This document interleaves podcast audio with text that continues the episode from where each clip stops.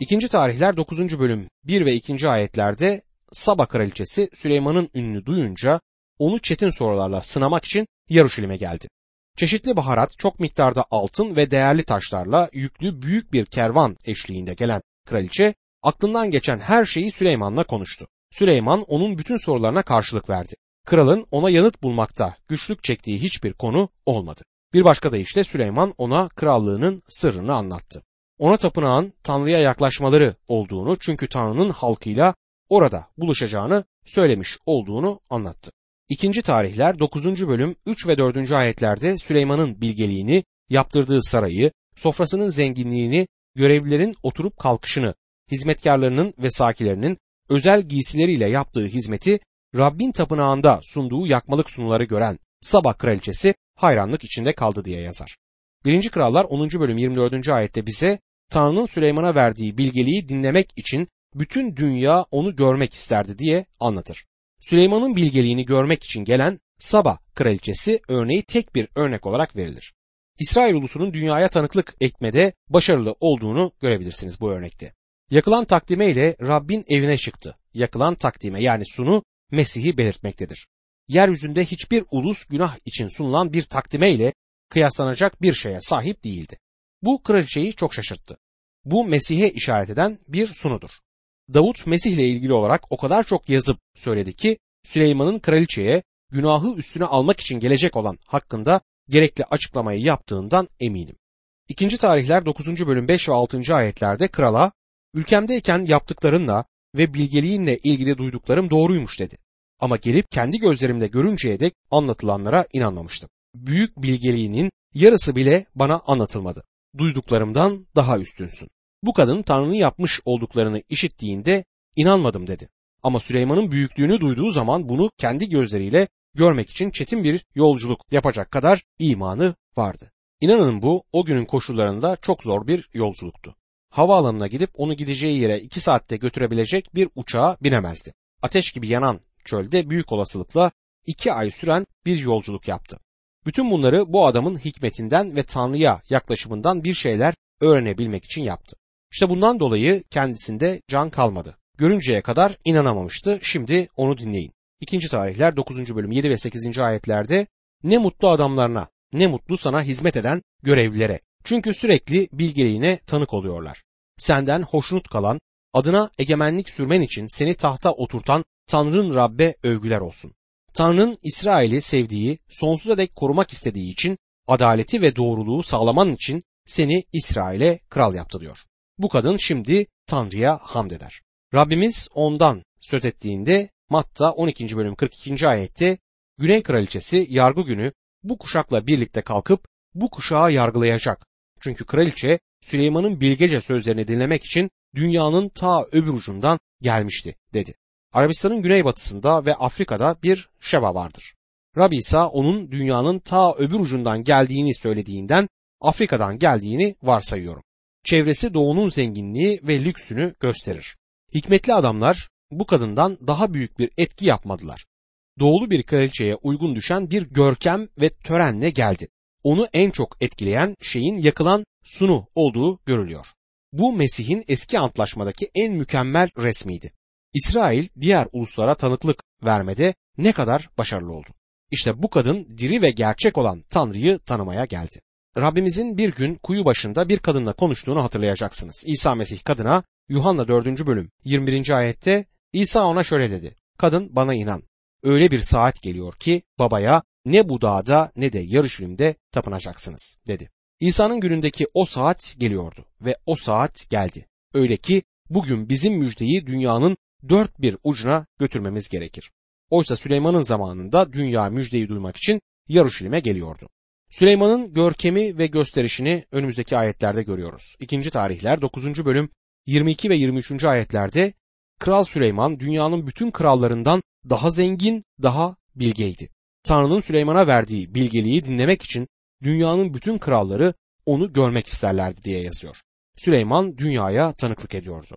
İkinci tarihler 9. bölüm 25. ayette Süleyman'ın atlarla savaş arabaları için 4000 ahırı 12 bin atlısı vardı. Bunların bir kısmını savaş arabaları için ayrılan kentlere, bir kısmını da kendi yanına Yaruşilim'e yerleştirdi diye yazar. Bu olay bu adamın karakterindeki kusuru açığa çıkartmaktadır.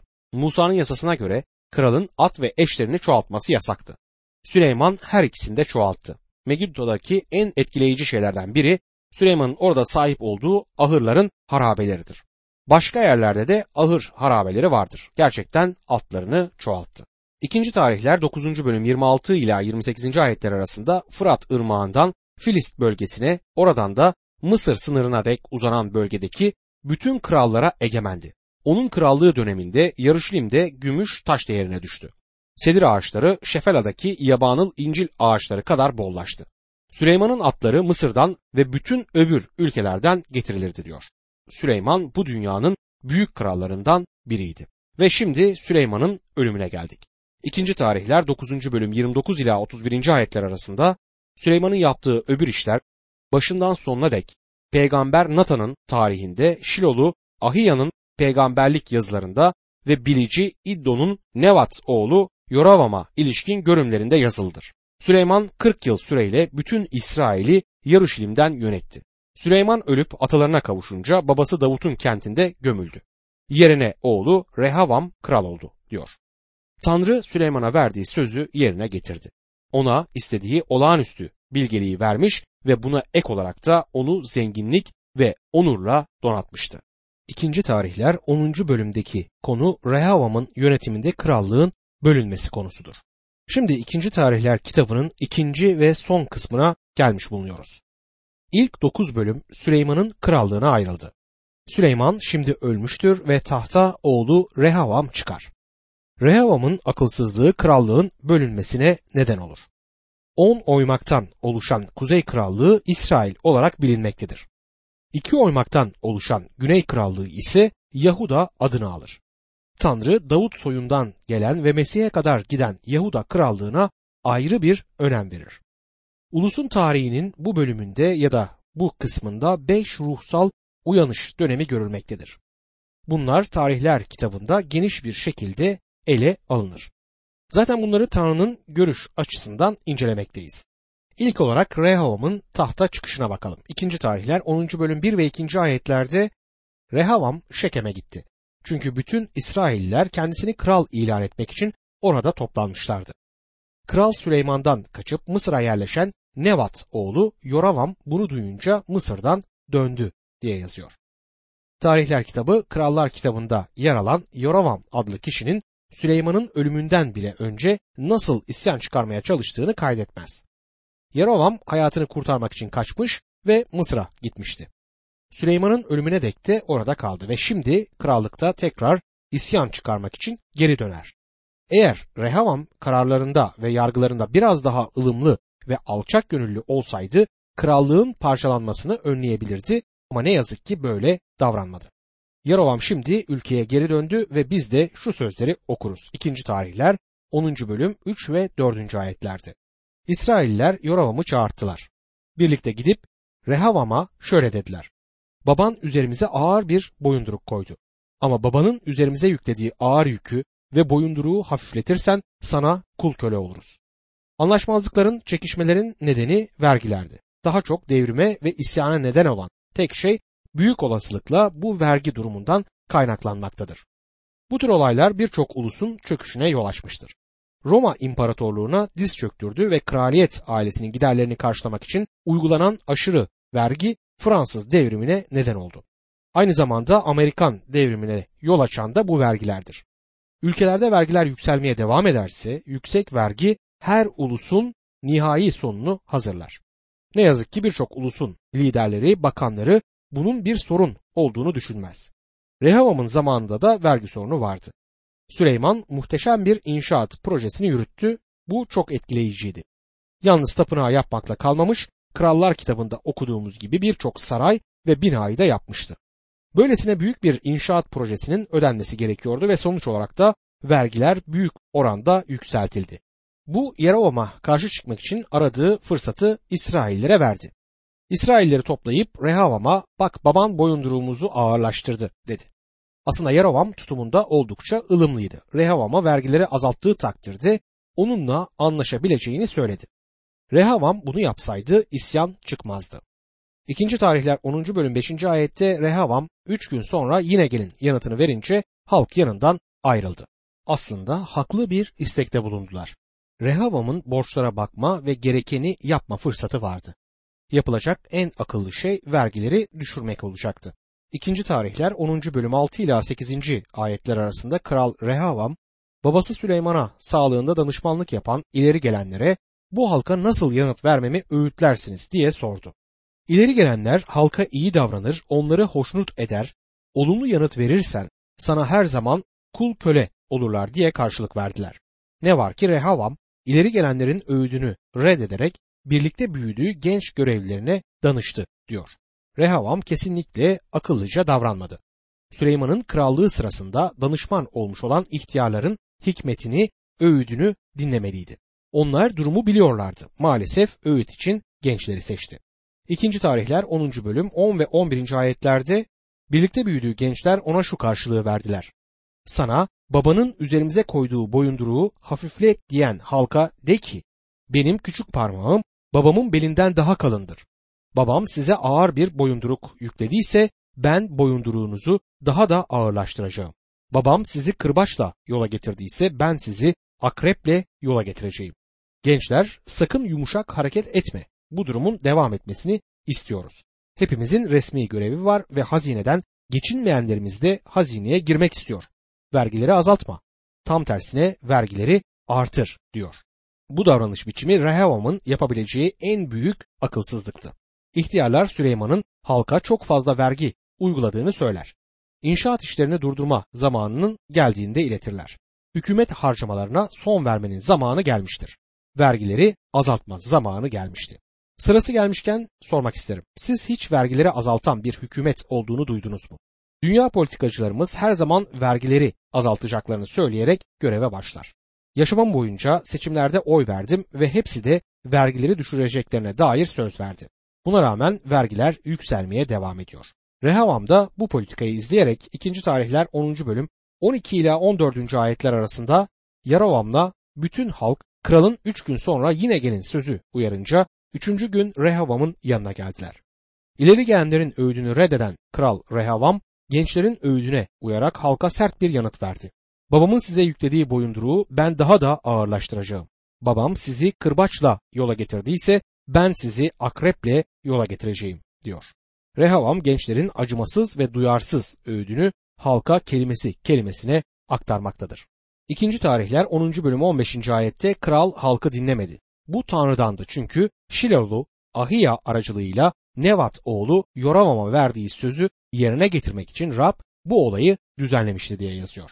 Burada gönderme yapılan peygamberlik 1. Krallar 11. bölüm 9 ila 39. ayetler arasında verilen peygamberliktir. İkinci tarihler 10. bölüm 16. ayette kralın kendilerini dinlemediğini görünce bütün İsrailler İşay oğlu Davut'la ne ilgimiz ne de payımız var diye bağırdılar. Ey İsrail halkı haydi evimize dönelim. Davut'un soyu başının çaresine baksın. Böylece herkes evine döndü. İsrail on oymağı belirtmektedir. Yahuda ve Benyamin adlı iki oymağı belirtir. Ancak İsrail bazen Güney Krallığını da belirtmektedir çünkü Tanrı onları bir halk olarak sayar. İkinci tarihler 10. bölüm 17 ila 19. ayetler arasında Rehavam'da yalnızca Yahuda kentlerinde yaşayan İsraillere krallık yapmaya başladı. İsrailler kral Rehavam'ın gönderdiği angaryacı başı Hadoram'ı taşa tutup öldürdüler. Bunun üzerine kral Rehavam savaş arabasına atlayıp Yarışilim'e kaçtı. İsrail halkı Davut soyundan gelenlere hep baş kaldırdı diyor. Kral Rehavam vergi toplaması için bir vergi görevlisi gönderiyor ve halk da onu taşlayarak öldürüyor. Rehavam halkın ne kadar öfkeli olduğunu anlayamamıştı. Böylece İsrail Davut evine karşı isyan etti.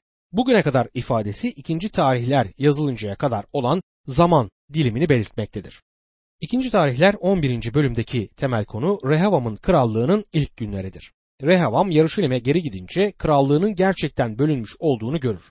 O zaman yine akılsızca davranacaktır. İkinci tarihler 11. bölüm 1. ayette Rehavam Yarışilim'e varınca İsraillerle savaşıp onları yeniden egemenliği altına almak amacıyla Yahuda ve Benyamin oymaklarından 180 bin seçkin savaşçı topladı. Rehavam önce krallığının bir bölümünü akılsızlığından dolayı kaybetti. Şimdi iç savaş yaratarak başka bir akılsızlığa adım atmaktadır. İsrail'de bir iç savaş başlar. İkinci tarihler 11. bölüm 2 ila 4. ayetler arasında bu arada Rab Tanrı adamı Şemaya'ya şöyle seslendi. Süleymanoğlu Yahuda kralı Rehavam'a Yahuda ve Benyamin bölgesinde yaşayan bütün İsraillere şunu söyle. Rab diyor ki, İsrailli kardeşlerinize saldırmayın, onlarla savaşmayın. Herkes evine dönsün. Çünkü bu olayı ben düzenledim. Rabbim bu sözlerini duyan halk Yarovam'a karşı savaşmaktan vazgeçti. Tanrı araya girer ve iç savaşı önler. İkinci tarihler 11. bölüm 11 ve 12. ayetlerde Rehavam bu kentlerin surlarını güçlendirerek buralara komutanlar atadı. Yiyecek, zeytinyağı, şarap depoladı. Her kent için kalkanlar, mızraklar sağladı. Kentleri iyice güçlendirdi. Böylece Yahuda ve Benyamin bölgeleri onun denetimi altında kaldı diyor. Rehavam şimdi dikkatini Kuzey Krallığından kendini korumak için Hisar inşaatına yöneltir. Davut ve Süleyman'ın krallığının bir parçası olan İsrail'i Süleyman'ın hikmetli danışmanları yerine gençleri dinleyip onların öğüdü doğrultusunda akılsızca karar vermesinden dolayı kaybetmekle kalmaz, onların kendisine düşman olmasına da neden olur. İkinci tarihler 11. bölüm 13. ayette İsrail'in her bölgesinden kahinlerle Leviller Rehavam'dan yana geçtiler diyor. İsrail'in tümünde Levillere belirli kentler verilmiş olmasına karşın onlara diğer oymaklara belirli yerlerin verildiği gibi bir alan verilmediğini anımsarsınız. Şimdi Leviller Kuzey Krallığındaki kentlerden ayrılırlar ve kahinlerle Leviller güneydeki Yahuda ve Yeruşalim'e taşınırlar. İkinci tarihler 11. bölüm 14 ve 15. ayetlerde Leviller otlaklarını, mallarını bırakıp Yahuda ve Yeruşalim'e gelmişlerdi. Çünkü Yaravam'la oğulları onları Rabbin kahinliğinden uzaklaştırmıştı. Yaravam tapınma yerleri ve yaptırdığı teke ve buzağı biçimdeki putlar için kahinler atamıştı diyor. Kuzey Krallığında yaşayan kahinlerle Levillerin hepsi tapınakta hizmetlerini sürdürebilmek için güneye gidiyorlar. O zaman Yaravam şeytana tapınmayı kurumsallaştırır. Krallar kitabındaki kayıt bununla ilgili ayrıntıyı bizlere vermektedir. 1. Krallar 12. bölüm 27 ila 29. ayetler arasında eğer bu halk Yaruşilim'e gidip Rabbin tapınağında kurbanlar sunarsa yürekleri, efendileri Yahuda kralı Rehavam'a döner. Beni öldürüp yeniden Rehavam'a bağlanırlar. Kral danışmanlarına danıştıktan sonra iki altın buzağı yaptırıp halkına tapınmak için artık Yaruşilim'e gitmenize gerek yok dedi. Ey İsrail halkı! İşte sizi Mısır'dan çıkaran ilahlarınız. Altın buzağlardan birini Beytel, ötekini Dan kentine yerleştirdi, diyor. Halk altın buzağlara taptı. Yani putperestliğe dönüş ve şeytana dönüştür bu.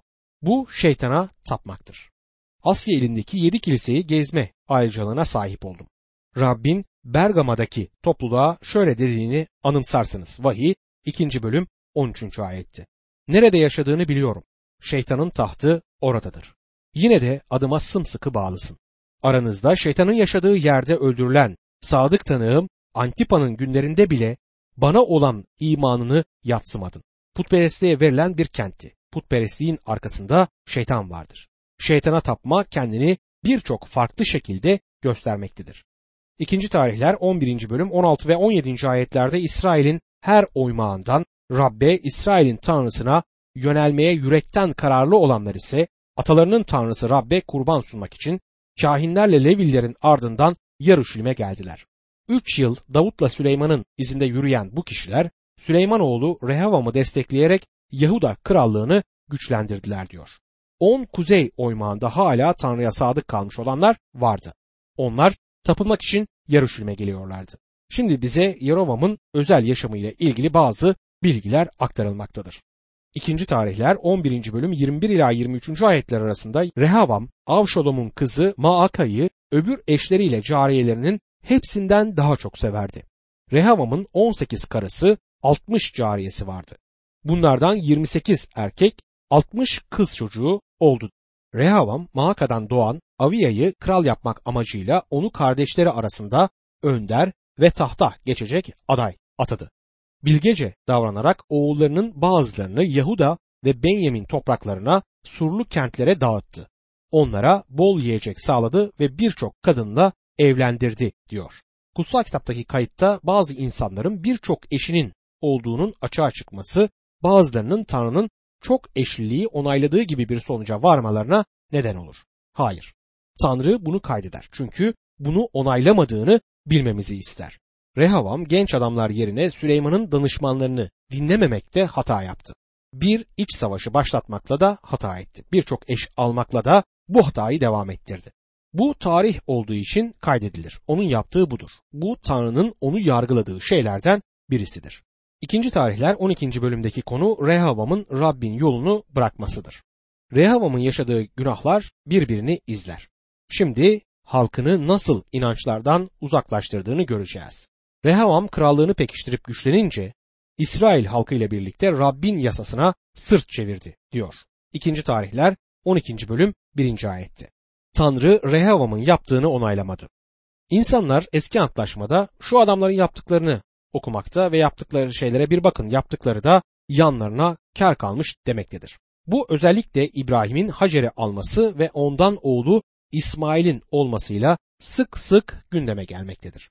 Dostlarım İbrahim'in yaptığı yanına kar kalmadı. Bugün Orta Doğu'da kimin büyük bir sorun oluşturduğunu biliyor musunuz? İbrahim'in oğulları yani İsrailliler ve Araplar. Araplar kimdir? Bir gün bir Arap bana bugün yaşayan bir Yahudi kadar ben de İbrahim'in bir oğluyum dedi. Ve haklıydı. Soyu İsmail'e kadar gidiyordu. Bu Arap İbrahim'in oğlu İsmail'in soyundan gelmekte övünüyordu. Tanrı İbrahim Hacer'i aldığı zaman bunu onayladı mı? Hayır. Tanrı bunu onaylamadı. Tanrı bunu bir tarih olarak kaydetti. Sonra da bizim sonuçları görmemizi sağladı. Kesinlikle bir bereket olmamıştır. Aslında yüzyıllar boyunca bu bir dert olmuştur. Tanrı şimdi Yerovam'ın Tanrı yolundan ayrılışını kaydeder. Rehavam ve İsrail'in kutsal yasayı terk etmelerinde kaydetmektedir. Tanrı bu şeyleri kınar ama hepsini de tarih olarak kaydeder. Tanrı'nın yargısı şimdi Rehavam'ı bulur. İlk defa Güney Krallığı büyük bir ulusun işgal kuvvetlerinin onları işgal etmesine maruz bırakılır. Gördüğümüz gibi Rehavam Tanrı'nın sözünü bırakmış ve halkı doğru yoldan saptırmıştır. Bunu yaptığı zaman Tanrı daha önce yapmadığı bir şeyi yaptı. Bundan önce Tanrı halkının etrafına ve dönemin büyük uluslarının o bölgeyi işgaline izin vermemişti. İkinci tarihler 12. bölüm 2 ve 3. ayetlerde Rehavam'ın krallığının 5. yılında Mısır kralı Şişak Yaruşilim'e saldırdı. Çünkü Rehavam'la halk Rab'be ihanet etmişti. Şişak'ın 1200 savaş arabası, 60 bin atlısı ve Mısır'dan onunla birlikte gelen Luvlu, Suklu, Kuşlu sayısız askeri vardı diyor. Önce Mısır kralı Şişak geldi ve büyük miktarda ganimet götürdü. O krallığın büyük miktarda altınını ve diğer zenginliklerini alıp götürdü. İkinci tarihler 12. bölüm 9 ila 11. ayetler arasında Mısır kralı Şişak Yaruşilim'e saldırdığında Süleyman'ın yaptırmış olduğu altın kalkanlar dahil Rabbin tapınağının ve sarayın bütün hazinelerini boşaltıp götürdü. Kral Rehavam bunların yerine tunç kalkanlar yaptırarak sarayın kapı muhafızlarının komutanlarına emanet etti. Kral Rabbin tapınağına her gittiğinde muhafızlar bu kalkanları taşıyarak ona eşlik eder sonra muhafız odasına götürürlerdi diyor. Anımsadığınız gibi bunlar Davut'un getirdiği ve Süleyman'ın tapınağa koyduğu altın kalkanlardı. Ganimet olarak götürüldükleri için Rehavam onların yerine daha ucuz kalkanlar koyar. Artık altın kalkanları yoktur. Şimdi tunç kalkanları kullanmaktadırlar. Günahlarından dolayı Tanrı'nın yargısıyla karşı karşıya gelirler. Bu Rehavam'ın küçük düştüğü bir deneyimdi. Süleyman'ın görkemli krallığında yetişmiş ve gelen bereketleri yaşayan bir kişiydi. Zenginlik ve lüksten başka bir şey bilmiyordu ve bunun sonsuza dek süreceğini umuyordu.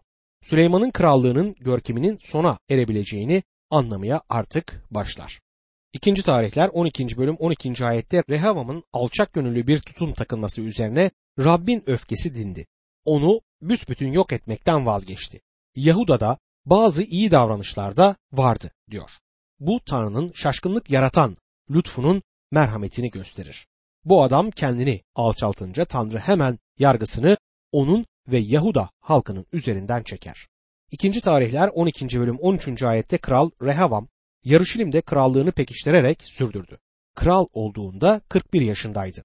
Rabbin adını yerleştirmek için bütün İsrail oymaklarının yaşadığı kentler arasından seçtiği Yaruşilim kentinde 17 yıl krallık yaptı. Annesi Ammonlu Naama'ydı diyor. Rehavam'ın annesinin kim olduğunu öğrenmek ilginçtir. Davut'un Ammonilerle dostluk kurmuş olduğunu hatırlarsınız. Oysa onlar ona karşı savaşmışlardı. Şimdi torunu Rehavam'ın Ammoni bir kadın aldığını görüyoruz. Annesinin şüphesiz onun karakteri üzerinde etkisi olmuştur. Krallar kitabında gördüğümüz gibi Tanrı daima anne isminden bahseder. Neden? Çünkü oğlunun sorumluluğunu kısmen de olsa anne taşımaktadır. Eğer oğlu iyi olursa bundan şeref payı alır. Eğer kötü bir kral olursa oğlunun suçundan da payını alacaktır. İkinci tarihler 12. bölüm 14 ila 16. ayetlerde Rehavam Rabbe yönelmeye yürekten kararlı olmadığı için kötülük yaptı. Rehavam'ın yaptığı işler başından sonuna dek peygamber Şemea ve bilici İddo'nun soyla ilgili tarihinde yazıldır. Rehavam'la Yoravam arasında sürekli savaş vardı. Rehavam ölüp atalarına kavuşunca Davut kentine gömüldü. Rehavam'ın yerine oğlu Aviya kral oldu diye yazıyor.